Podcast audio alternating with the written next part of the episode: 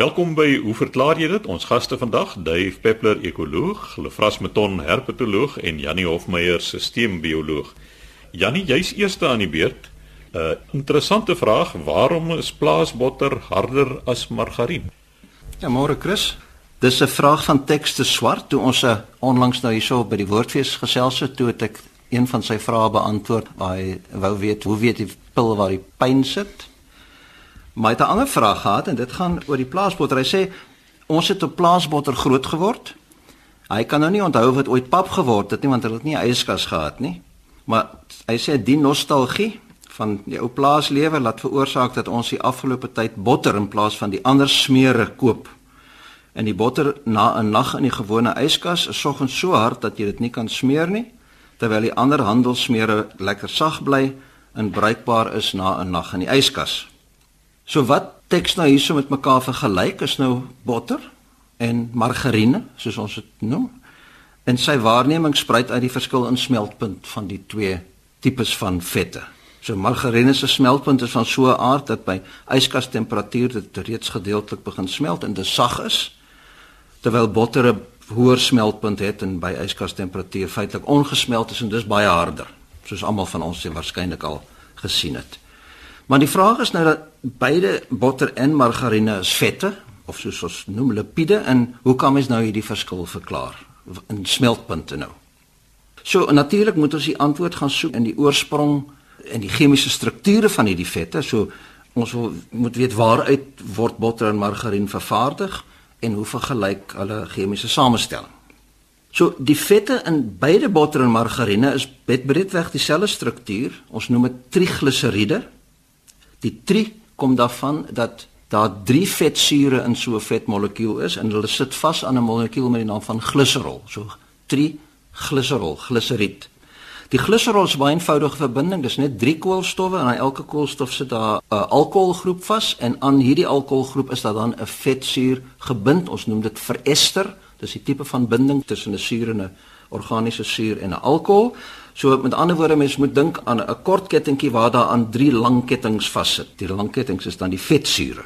En dit is die verskil tussen die vetsure in botter en margarien wat die verskil in die smeltpunt veroorsaak. Nou dink nou botter word uit koeimelk gemaak en bevat nou diervette en ook cholesterol terwyl die margarine aan die ander kant natuurlik uit plantolies vervaardig word en die plantolies bevat dan 'n tipe van vetsuur wat anders is as die van die diervette. Diervette bevat sogenaamde versadigde vetsure terwyl margarine wat uit plantolies kom dan baie meer van die soortgenaamde onversadigde vetsure bevat en geen cholesterol nie. Nou wat maak 'n ding versadig of onversadig? Dit het te doen met die tipe van bindings wat tussen die koolstofatome voorkom binne in die vetsure.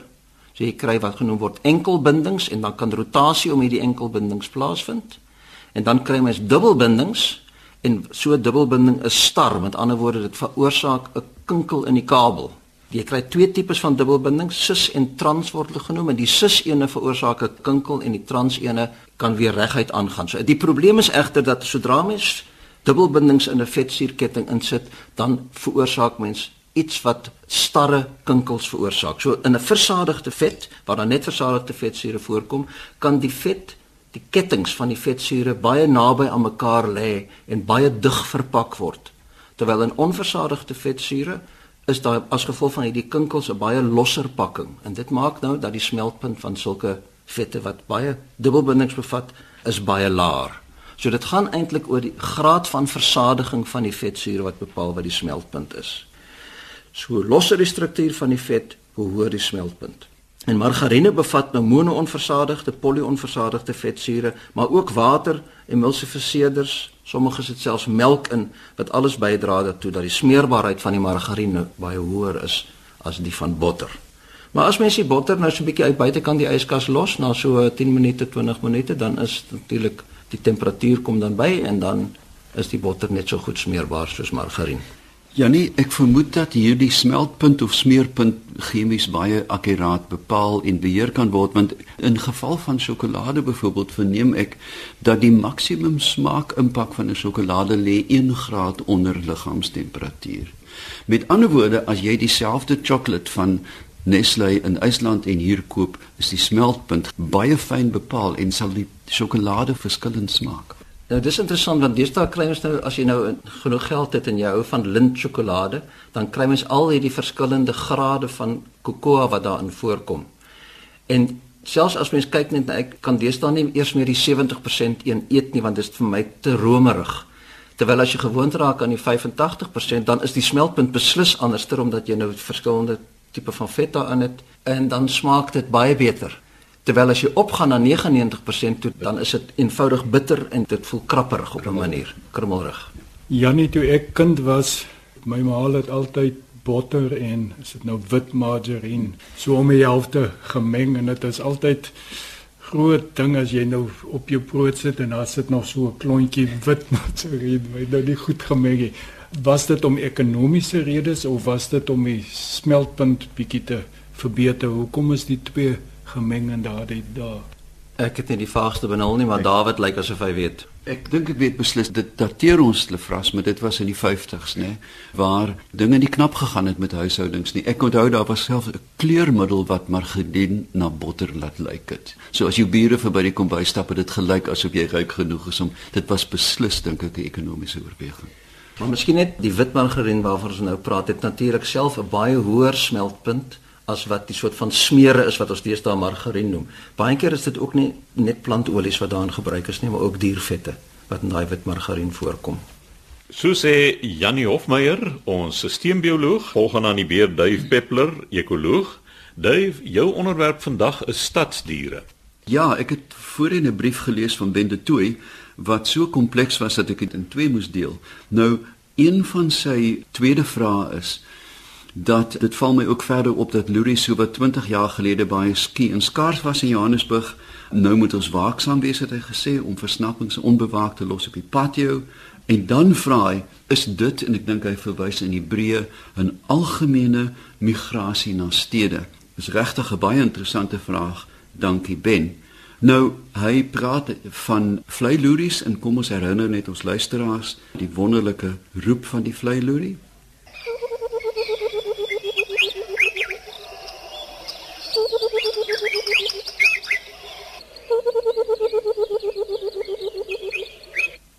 Ben, kom ons kyk 'n bietjie na die voorkoms van diere in stede. Nou, by definisie is dit diere wat lewe of selfs floreer in stedelike omgewings. Sommige van hierdie diere is so gespesialiseer, byvoorbeeld die huismuis, Mus musculus, wat totaal afhanklik geword het van die mens in sy omgewing en eenvoudig nie sonder die mens kan bestaan nie. As 'n mens dan net bloot statisties kyk, dan 8% van alle inheemse voëls in 'n gebied en om en by 25% van plante kan hierdie sprong na 'n stedelike omgewing maak. Maar ons moet ook besef dat dit geld byna vir alle breedtegrade. Kan jy dink daaraan dat ysbere, jy weet, tot na aan die poolsirkel geassosieer word met mense in hulle vuilgoedplekke en weggooi plekke? En dan dink 'n mens nader aan die ewenaar ewige probleem met tropiese ape. Die goed steel almal rot en kaal. Daar is 'n baie sterk evolusionêre druk vir organismes, maar vir al plante wat aanpas by die trope. Daar is 'n mediterrane onkruid met die naam van Crepus. Nou, Crepus produseer normaalweg twee soorte sade, een wat val en een wat wegwaai. Met ander woorde, 'n swaar en 'n wollerige saad. Binne 5 tot 12 geslagte in die stad verdwyn die wegwaaisade byna totaal by hierdie plant en hulle produseer net saadjies wat val. So dit wys jou wat 'n sterk evolusionêre druk en ons weet by ander diere soos voëls dat selfs in die Galapagos eilande voëls kan osilleer hulle beklengte met El Niño. So dit neem nie baie lank vir 'n plant of 'n dier om aan te pas nie. Nou in Duitsland is daar die sogenaamde Great Tit in 'n atmosfeerkrap in die woordeboek om 'n beskaafde vertaling te kry. Dis 'n mees, die groot mees. Wat nou, soos ons by vorige programme al gesê het, al hoe harder moet sing in die stad om bo die stadsgeraas gehoor te word. Met ander woorde, hulle fisiologie verander, hulle stembande verander, hulle liggaamsgrootte, hulle energiebalans is heeltemal ingestel nou om absoluut soos ons Kaapenaars bo die verkeer te kan uitskree om gehoor te word. Daar is ook in Australië 'n spesies die sogenaamde silweroog wat al hoe hoër frekwensies begin gebruik om bo die stadsgeraas gehoor te word. Daar is natuurlik ook dan verskillende soorte verspreidings kosmopolities dink 'n mens. Byna globaal en daar dink 'n mens aan die muise en die rotte wat saam met mense kom, kakkerlakke, vismotte, huismossies, daai geluidjie hoor jy die wêreld vol. En dan natuurlik die klassieke duwe van die stede wat reg oor die aarde in stede hulle tuis te vind.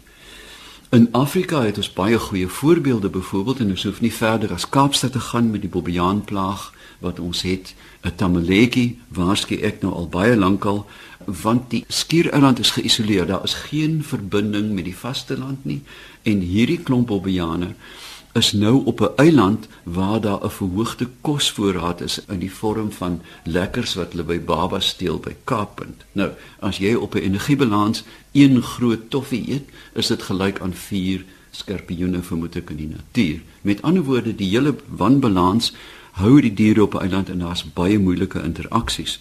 Dink 'n bietjie van julle wat al by Ograbies was, die blou ape daar. Hulle pak jou lorry vir jou uit. Jy hoef glad nie uit te pak nie. Die ape doen dit. As jy 'n venter sleepwaandjie het, die hemel weet alleen maak net die slotte los, hulle pak hom vir jou uit. Dink 'n mens aan die pikkewyne by Simonstad wat tuine oorgeneem het, wat hulle versperrings moet op en die mense kon nie geslaap met die geraas van die pikkewyne nie. En dan natuurlik ook reg oor Afrika, luiperds wat nou stedelike gebiede betrek. Australië byvoorbeeld. Buideldiere, Japan is daar die sogenaamde sika dier wat almal se petunias opeet en in Indië die klassieke langoor, die aap wat alle markte kan verpletter. Mumbai, ek het onlangs vir die eerste keer Planet Earth 2 van die BBC gekyk, 'n verstommende reeks waar daar lang sekwense is van die luiperds van Mumbai. Hulle lewe in die hart van die stad daar is ook wildgeworde varke en dan is dit 'n helse penarie in die aand as hulle toesak op die varke en kleintjies steel en ter aanskoue van motoriste verslind. Mens kan ook dink in terme van twee soorte diere in hierdie wild of makgeworde groepe.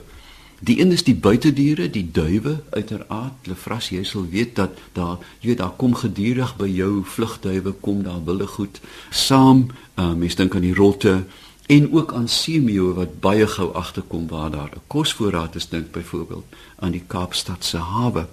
Watervoëls, bleshoenders en reiers trek baie maklik in 'n dorpsdam in, swane en as gevolg van hierdie verdigting kan 'n mens werklik voorspel dat daar nou gaan predatore kom. Die swerfvalk, die peregrine sal onmiddellik toespits op hierdie stedelike bevolkings van makgeworde duwe. New York het nou die hoogste swerfvalkbevolking op aarde van enige plek. In Berlyn is daar wild swyne, willevarke soos Asterix geëet het en sy vriend wat verwoesting saai. Jy weet as jy jou tulpe geplant het, is dit een aand se versnapings en die varke dol by jou hele tuin om. En Moskou het reusagtige probleme deesdae met wildgeworde honde wat in groot wolfagtige groepe in die stad jag. En 'n mens kan eintlik nou begin voorspel dat hierdie is 'n nuwe vektor vir patogeen, 'n nuwe bevolking van diere wat die stad binnendring en soos ons weet dat hierdie gevaarlike griepe kom van hoenders, eende en varke, is daar nou nog 'n laag van gevaar by as daar byvoorbeeld 'n patogeen uit die fosse van Londen uit sou kom. En dan het ons die diere van binne, die geitjies, lefras, jy weet, mens kan hulle byna stadsdiere begin noem en veral natuurlik insekte geassosieer denk Geert se massel vir ons kan vertel van al die goed wat in ons meelsakkies bly. Dan laastens as 'n mens kyk na Noord-Amerika byvoorbeeld, is daar baie vosse en wilde katte in die dorpe, wasbeere, die raccoon wat baie oulike diertjies is, maar hulle is ook baie oulik om jou vuilgeblik oop te maak, jou deur oop te maak, jou yskas oop te maak. En dan natuurlik ook muishonde, eekorings, hase en konyne en dan 'n groot probleem in Florida en mense kan hoop dit besoek ook die president se golfbaan is die kaiman, die Amerikaanse krokodil wat nou 'n baie sterk assosiasie met stabiele mensgemaakte omgewings het en jy weet nou en dan jy kan nie meer 'n golfbal uit die water uitgenaal nie want jy sou sonder jou arm daar uitkom. Hulle is totaal aangepas op huisdiere, visse wat mense teel vir kos ensovoort. So ben waar die mense hom bevind, kan jy seker wees dat hy unieke nisse maak. Die plaas, die skuur, die stad, die motorhuis, die dam. En nisse word gevorm nie net vir om te bly nie, maar dis ook voedselnisse, hittenisse in die winter en dan blyplek. Met dit gegeewe sal die diere volg en voor stedelike plakkers word. Sê dit so half laat deur skema dat daar tipe stadsgedrag kan ontstaan. Dit is natuurlik maar alles net aangeleerde tipe gedrag. Ek dink by 'n vorige program het ons oor gedrag gepraat. Die stede is nog te kort, maar as mens nou so oor nog 'n paar duisend jaar kon terugkom, sou daar waarskynlik spesies ontstaan het wat dit geneties vasgelê is, hulle afhanklikheid van stede. Jy's doodreg, Lefras. Ek dink by die hoër lewensvorme soos bokke en ape gaan 'n mens nou nie 'n subspesie in Indië baie gekry nie, maar wat wel geneties nou begin verskuif is die sangpatrone van hierdie voeltjies wat bo die verkeer moet uitroep. En daar is nou sprake van spesiering dat hulle letterlik so vinnig moes aanpas om te oorleef. Hulle gaan oorweldigend wees met hulle harde stemme in die natuur en niemand gaan na hulle luister nie. Nee, ek dink dit gaan gouer gebeur as wat ons dink. So sê Dave Peppler, ekoloog. Volgende aan die beurt is Lefras Meton, ons herpetoloog. Nou Lefras, jy het twee onderwerpe: bosluise op skilpaaie en dan gesels jy ook oor kruipmolle. Chris, ons het 'n brief gekry van Leon Hugo. Hy vra eintlik drie vrae, maar Dave, ek dink jy sal op een of ander stadium een van die drie vrae wat nou oor voëls gaan beantwoord. So ek gaan nou net na twee van hierdie vrae kyk. Die eerste een gaan dan oor skilpaaie. Leon sê elke derde skilpad wat ek optel het bosluise onder op sy dop, net voor die agterpote. Hoekom as die bosluise maklik by sy bloed wil uitkom, kies hulle nie sy pote of nek nie? Wat op aarde maak hulle dat hulle nou op die dop vassit? En dan wil hy weet is dit nadelig vir die skilpad? So ons gesels net vinnig oor hierdie eerste vraag. Ja, dit is so meeste skilpaaie wat mens optel sit die luise maar gewoonlik hier in die oksels van die bene want dit is waar die vel redelik sag is en daar minder skubbe is. Seker 'n ongemaklike posisie vir die bosluise want daar is redelike wrywing daar in in die oksels. So om nou bosluise op die dop te sien, dit laat mens dink, hoekom daar? Dit is nou op die onderkant Maar ons moet dan onthou 'n skilpad as hy loop, dan loop hy, dan is die dop gelig van die grond af en as hy as die pote ingedruk is, dan lê dit stil. So daar's eintlik bitter min wrywing op die bosluise as hulle onder op die dop sou sit. Maar mens moet ook mooi kyk waar op die dop sit die bosluise. Uit die aard van die saak kan hulle nie op die harde dop gedeelte vasreg nie. Dit is maar in die nate tussen die verskillende plate van die dop. Nou die meeste skilpaaie, veral aan die agterkant, is daar 'n vleesige naad tussen die plate van die dop. Ons praat nou van die ventrale deel van die dop en dit laat 'n mate van beweging toe van die agterkant sodat wanneer die wyfie eiers moet lê daar genoegsaam vergroting kan plaasvind dat die eier kan uitkom. En in daardie nate is daar redelike sagte weefsel en dit is waar die bosluise dan kan vasheg en as mens mooi daaroor dink is dit eintlik 'n beter plek as in die oksels. So ek sê daar is minder wrywing op daardie plek. Of bosluise nou nadelig is, dit's maar soos enige parasiet, dit kan nie goed wees nie, want dit hang maar af van die gesondheid van die dier. As hy in swak gesondheid is, dan neem die parasiete gewoonlik toe. Maar ek dink in die natuur, die meeste diere het maar een of ander parasiet. Ek praat nou nie van bakterieë nie, ek praat nou van groter parasiete. Dit hang maar af van omstandighede. Ek dink jy's reg, Lefras. Jy weet 'n mens moet ook onthou die aard van parasitisme is nie om jou gasheer dood te maak nie, want dan gaan jy moeilikheid soek. Ja, beslis so maar jy kan as jy 'n klomp wurms het, dan gaan jy 'n klein bietjie slegter voel as sonder die wurms. Dan die tweede vraag van Leonis, hy sê op die strand by Frans Kraal kry ek dikwels die tekens van 'n mol op die strand waar daar geen plante groei vir hom is om te eet nie direk langs die water bo die waterlyn. Soms onder die hoogwaterlyn ook. Daar's geen teken van waar die mol heen op pad is as jy die grond wegkrap nie. Hy het nou 'n foto hierso en uh Dave, ek kan net vir jou wys. Daar's net hierdie lang lyntjie en dan skielik is dit die twee eindpunte wat stop. Nou Leon ons kry die taal, die Afrikaanse taal is so 'n mooi taal, maar hier trap ons so 'n bietjie klei as dit by molle kom. Want ons praat van die gewone molle wat die hoope maak. Dit is 'n Afrikaanse mol. Ons praat van die duinemol en die blesmol en so meer. En dan Hierdis wat veral hier in die Weskaap maak seker in groot dele verder ook wat hier op die grasperke, hulle loop so horisontaal bo op die grasperke en hy net so onder die oppervlak en hy lig daai gras so op as jy dan moet 'n grasnouer daaroor gaan as dit net so 'n streep grond. Dit is natuurlik iets heeltemal anders. Dit is wat ons nou noem die goue molle of die kruipmolle. Maar nie een van hulle is werklik 'n mollie. Die ware molle is 'n hele ander groep. Maar net om op te som die duinemolle en die blesmolle en so meer. Dit is planteters. Hulle is herbivore. Hulle is lid van die knaagdierfamilie, die rotte en die muise en so meer.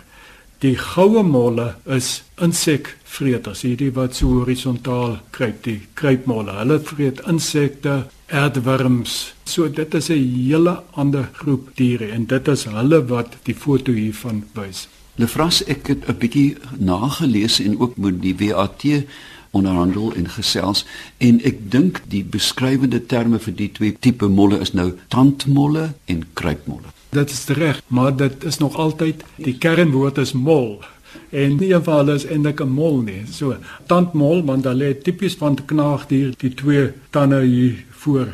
En hierdie foto wat hy nou hier het, is baie duidelik van 'n kruipmol en dit is maar sekerlik die Kaapse kruipmol. Dit is een wat wyd versprei voorkom en en soveel skade aan rig en die feit dat die lyn so bo op die oppervlak loop en dan skielik weg die kruipmolle hulle tonnels wat hulle eintlik hulle neste en so meer is is redelik diep onder die grond so 'n meter onder die grond en dan kom hulle op en dan sal hulle op 'n oppervlak so bietjie rond kruip en net onder die oppervlak en dit is wat hy sien en daar waar die lyn ophou is wat hy afduik diep in in in daai sanderige omgewing gaan mens dit nie oopgegrawe kry nie. En ek dink daar is maar bietjie seerdiertjies wat daar in die sand sal wees wat vir hulle goeie kos sal wees. Daar's beslis nie plantmateriaal nie, so dit is nie 'n tandmol wat nou hierso toenig is nie. Weet jy hulle vras dat my raad aan tuiniers is dat hulle sê trap die tonnels toe.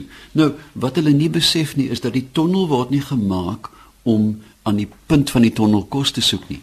Die tonnel word gemaak as 'n ruimte waarin insekte dan val en met ander woorde hulle patrolleer die tonnel oor en oor en hoe minder jy karring hoe minder nuwe tonnels gaan hy maak want as jy eers 'n tonnelstelsel het kom die kos na die tonnel toe en gevolglik die oomblik as jy hom plat trap gaan hy aan die een maak wat vir my so interessant is van die molle ook is hoe ondergrondse lewenswyse maak nie saak watse groep diere jy vat of dit nou 'n akedus is of 'n slang, wel 'n slang is maar 'n akedus of 'n padda of 'n mol, hulle het te doen met dieselfde tipe dinge en hulle ontwikkel dieselfde morfologiese eienskappe.